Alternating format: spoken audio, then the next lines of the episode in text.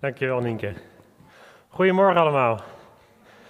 Voor degenen die mij een beetje kennen, ben ik een van de voorstanders die graag de geest wil volgen en open wil staan voor wat de geest wil doen. En ik denk dat daar ook een stukje flexibiliteit bij komt kijken. Dus het is meteen voor mezelf een goede training van wat ik, uh, wat ik ook vaak spreek. Dus dat, uh, dat is alleen maar mooi. Um, ja, eigenlijk vandaag Matthäus 5 op de planning, het begin van de bergreden. Um, die, uh, dat stuk krijgen jullie nog te goed. Paulo die uh, gaat gewoon volgende week spreken. En uh, dan krijgen jullie zijn woord te horen. Hij had er heel veel zin in en hij had heel veel zin om het te delen met jullie. Maar daar uh, zullen jullie nog even op moeten wachten. Dus nou, wees er zeker volgende week ook bij. Ik, ik mag het vandaag één hoofdstuk verder, Matthäus 6. Daar mag ik het over gaan houden. En dan het tweede deel van Matthäus 6.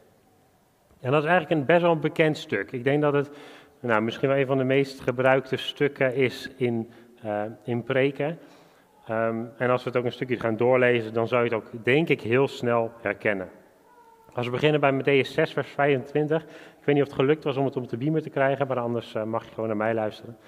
Vers 25, dan staat daar: Daarom zeg ik jullie, maak je geen zorgen over je leven, over wat je zult eten of drinken, noch over je lichaam, over wat je zult aantrekken. Is het leven niet meer dan voedsel en het lichaam niet meer dan kleding? Kijk naar de vogels in de lucht. Ze zaaien niet en oogsten niet en vullen geen voorraadschuren. Het is jullie hemelse vader die ze voedt. Zijn jullie niet meer waard dan zij? Wie van jullie kan zich door zorgen te maken ook maar één dag aan zijn levensduur toevoegen? Tot zover even dit stukje. Ik denk, wie heeft dit stukje nog nooit gehoord? Nou, volgens mij iedereen en volgens mij ook wel meerdere keren. Het is een heel duidelijk stuk. Um, en het klinkt ook heel makkelijk, van dan maak je nou gewoon geen zorgen. De Heer zorgt voor jou, Hij zorgt zelfs voor de vogels. Dat is toch simpel? Maar nou, persoonlijk had ik daar ook best wel moeilijk van, ja, maar hoe doe je dat nou? Van, ja, geen zorgen maken, ga je, hoe doe je dat? En dan ga je erover nadenken en dan ga je eigenlijk alleen maar meer zorgen maken. Van, hé, hey, doe ik het wel goed, doe ik het verkeerd? Het, het, was soms best wel eens een lastig stuk. maar als je dan een stukje verder leest... Um, dan staat er nog een keer, vraag je dus niet bezorgd af, wat, uh, wat zullen we eten? Of wat zullen we drinken? Of waarmee zullen we ons kleden? Dat zijn allemaal dingen die de heidenen najagen. Jullie hemelse vader weet wel dat jullie dat alles nodig hebben. En dan komt eigenlijk het antwoord op die lange lijst. En ik heb er een stukje doorgelezen, maar die lange lijst, wat er allemaal genoemd is, maak je geen zorgen over dit, dit en dit. Er staat, zoek liever eerst het koninkrijk van God en zijn gerechtigheid, dan zullen al die andere dingen je erbij gegeven worden. Dus alles wat er genoemd is, zit in het koninkrijk van God. En daar hebben we het natuurlijk nu met, ons allen, met z'n allen over, het koninkrijk van God. Dat stukje wat wij van God mogen bouwen, om jou heen, het gebied wat jij bezit, daar mag het koninkrijk van God komen. Daar mag Jezus gaan regeren, daar mag de koning gaan regeren. En eigenlijk zegt God, zoek eerst het koninkrijk van God. Zorg eerst dat het koninkrijk er is, ga daarin staan en dan komt de rest ook vanzelf. En daar ga ik voor zorgen. En het mooie is eigenlijk, als je even, nog even naar die grondtekst kijkt, van zoek eerst het koninkrijk van God en naar het woord zoeken, dan, dan zijn daar verschillende betekenissen voor, die je eigenlijk, waar je eigenlijk mee mag vervangen. En je kan ook zeggen verlangen. Dus verlang eerst naar het koninkrijk van God. Verlang ernaar. Verlang dat God gaat regeren. Dat God gaat spreken over het gebied waar jij bent. Over de plekken waar jij bent. Over jouw gezin. Over jouw huwelijk. Over jouw werk. Overal waar je komt, je familie, jouw vrienden. Verlang ernaar dat God daar gaat regeren en dat het koninkrijk er komt. En een tweede woord waarmee het mag, waarmee het mag vervangen, dat is het woord eisen.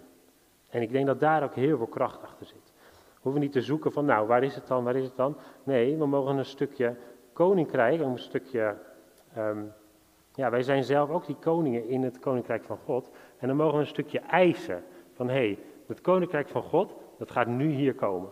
En ik spreek het uit en ik eis dat God hier koning wordt. En ik eis het over die situatie. Ik eis het over Oekraïne. Ik eis het over die ruzie die daar is. Ik eis het over die ziekte die daar is. Dat het koninkrijk daar komt en dat de gerechtigheid daar ook meekomt.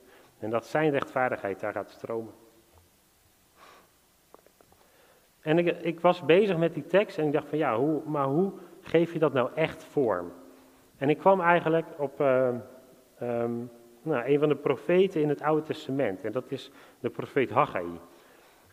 Ehm, ik weet niet of jullie het verhaal kennen, maar Haggai is een klein, een klein boek in de Bijbel met maar twee hoofdstukken. En het is, uh, nou ja, in, uh, in tien minuten heb je het doorgelezen, dus doe dat zeker. Maar het is eigenlijk een gigantisch mooi boek met een gigantisch mooie belofte die erin staat.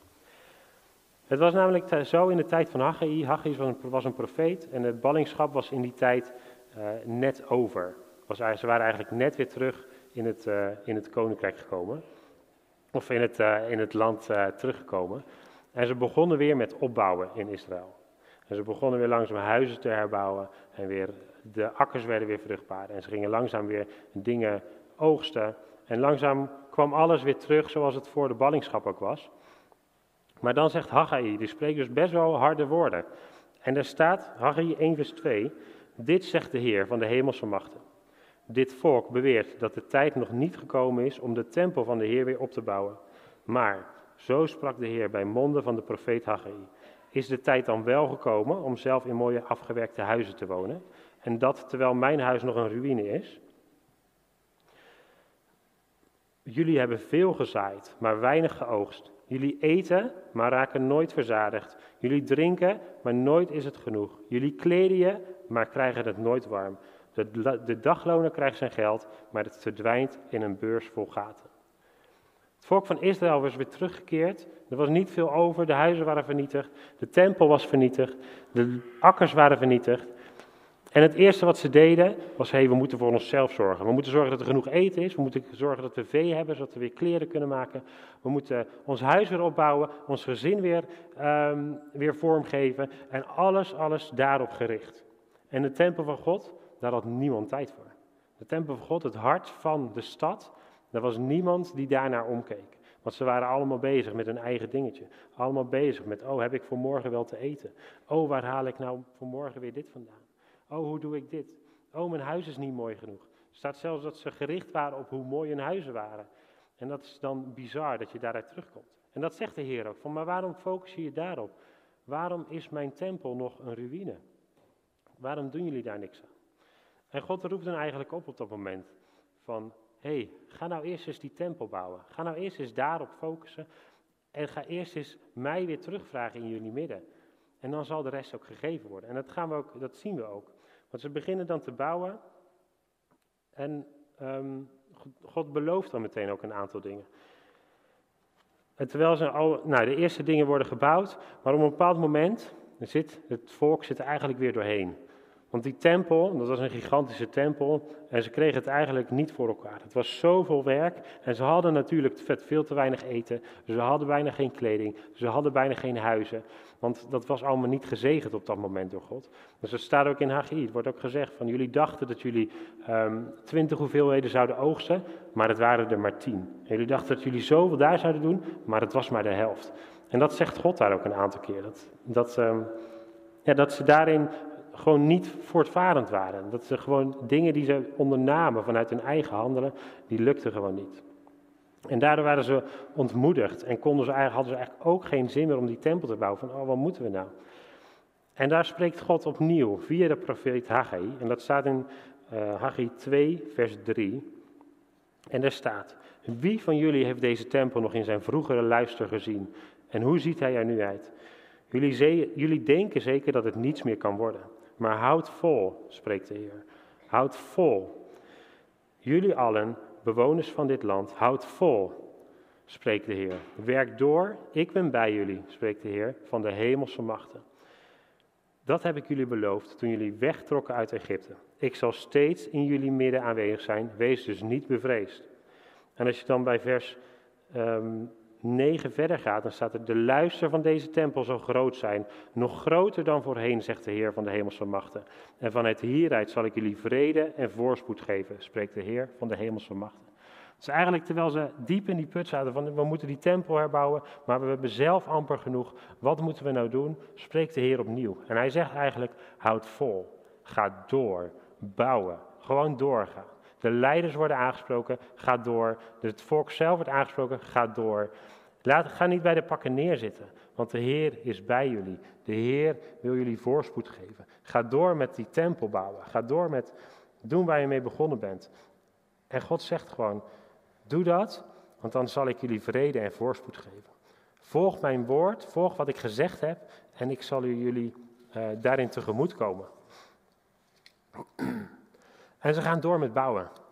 En de tempel komt na een tijdje, komt de tempel ook af.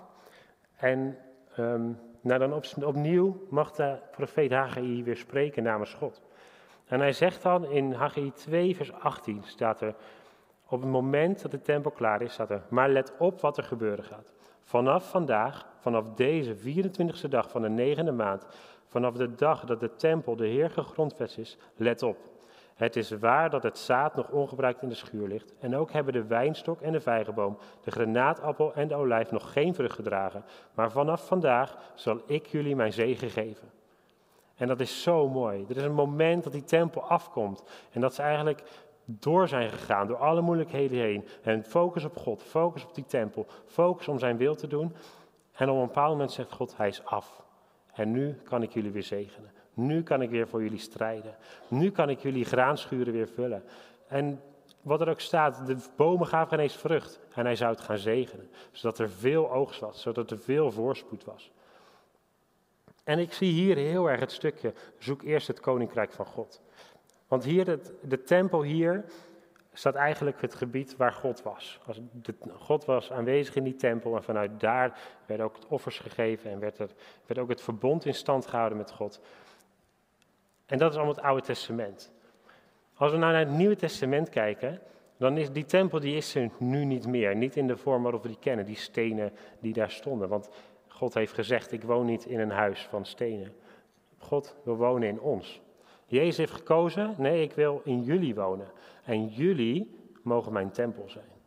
En jullie mogen gaan regeren voor mij. En het koninkrijk van God is op dit moment eigenlijk die tempel. En is op dit moment waar, waar we God in kunnen zien. En ik denk dat het zoek eerst het koninkrijk. Eis eerst het koninkrijk. Verlang naar het koninkrijk. Dat het eigenlijk ervoor staat. Net zoals die tempel van nee, ga bouwen aan God. Ga bouwen aan jouw relatie met God. Ga bouwen aan de aanwezigheid van God in jouw huis, in jouw gezin, op jouw werk. Ga daaraan bouwen. Ga focussen. Ga je God uitnodigen. Verlang het en eis het van hem dat hij daar is. Dat hij daar regeert. En laat het koninkrijk van God daar gesticht worden. En alles wat daarvoor genoemd wordt, jouw huis, jouw gezin, jouw salaris, jouw ziekte, alles wat er is, dat gaat, daar gaat God voor zorgen. Daar gaat God mee doordragen. Wij mogen die tempel zijn van het Oude Testament, waarin wij mogen bouwen aan, Gods, aan onze relatie met God. Zodat God een plek heeft hier op aarde om te wonen. En zodat hij vanuit daar zijn zegeningen kan doen. En zodat hij daar, vanuit daar kan voorzien. En de mensen om jou heen zullen dan gezegend worden. De mensen om jou heen die zullen aangeraakt worden, omdat God in het midden is. En omdat we daarin ook het koninkrijk van God mogen bouwen. Dus wees echt bewust. Heb jij een bepaalde worsteling in jouw leven? En ik denk dat iedereen dat wel ergens heeft. En dat kan zijn in jouw gezin, omdat er iets niet lekker loopt. Dat kan zijn op je werk, omdat er bepaalde dingen niet goed gaan. Dat kan zijn in je financiële situatie, omdat je het gewoon heel moeilijk hebt om de, de eindjes aan elkaar te knopen. Dat kan zijn met vrienden, misschien verkeerde vrienden of heb je geen vrienden. Misschien gaat het om ziekte. Misschien is het jouw huwelijk wat bijna op de klippen gaat lopen. Wat gewoon niet goed loopt op dit moment. Focus je eerst op God. Richt je eerst op God. Ga met God in gesprek. God, ik wil u hoog verhogen. Ik wil u op de eerste plek zetten. Ik wil uw koninkrijk hier zien, zodat die mensen aangeraakt worden. Zodat uw kracht hier gaat stromen. En dat is waar God naar verlangt. Dat is wat God ons opdraagt. Focus je niet op die problemen, want onze God is veel groter dan die problemen. En dat, ja, dat is eigenlijk ook waar ik het bij wil laten. Ik had niet veel tijd om voor te bereiden, dus het is ook niet zo lang een preek. Maar ik denk dat, het, dat de essentie dat het duidelijk is. Focus je niet op je problemen, focus je niet op je situatie, focus je niet op dingen die niet goed gaan. Maar ga bouwen voor God. Ga achter Hem aan. Doe het ook niet voor mensen. Doe het niet voor de, zo de, nou, voor jouw leidinggevende, of doe het ook niet voor de leiders van deze kerk, maar doe alles wat jij doet, alles wat jij voor God doet, doe het ook echt voor Hem. Doe het voor God. En daarmee wil ik jullie zegenen, dat jullie daarin ook nou, stappen mogen nemen. En dat jullie daarin ook ja, echt een, een connectie met God mogen gaan creëren. En dat jullie situaties eigenlijk ja, als sneeuw voor de zon mogen verdwijnen, maar dat Gods zegen daarin juist mag doorgaan stralen. Amen.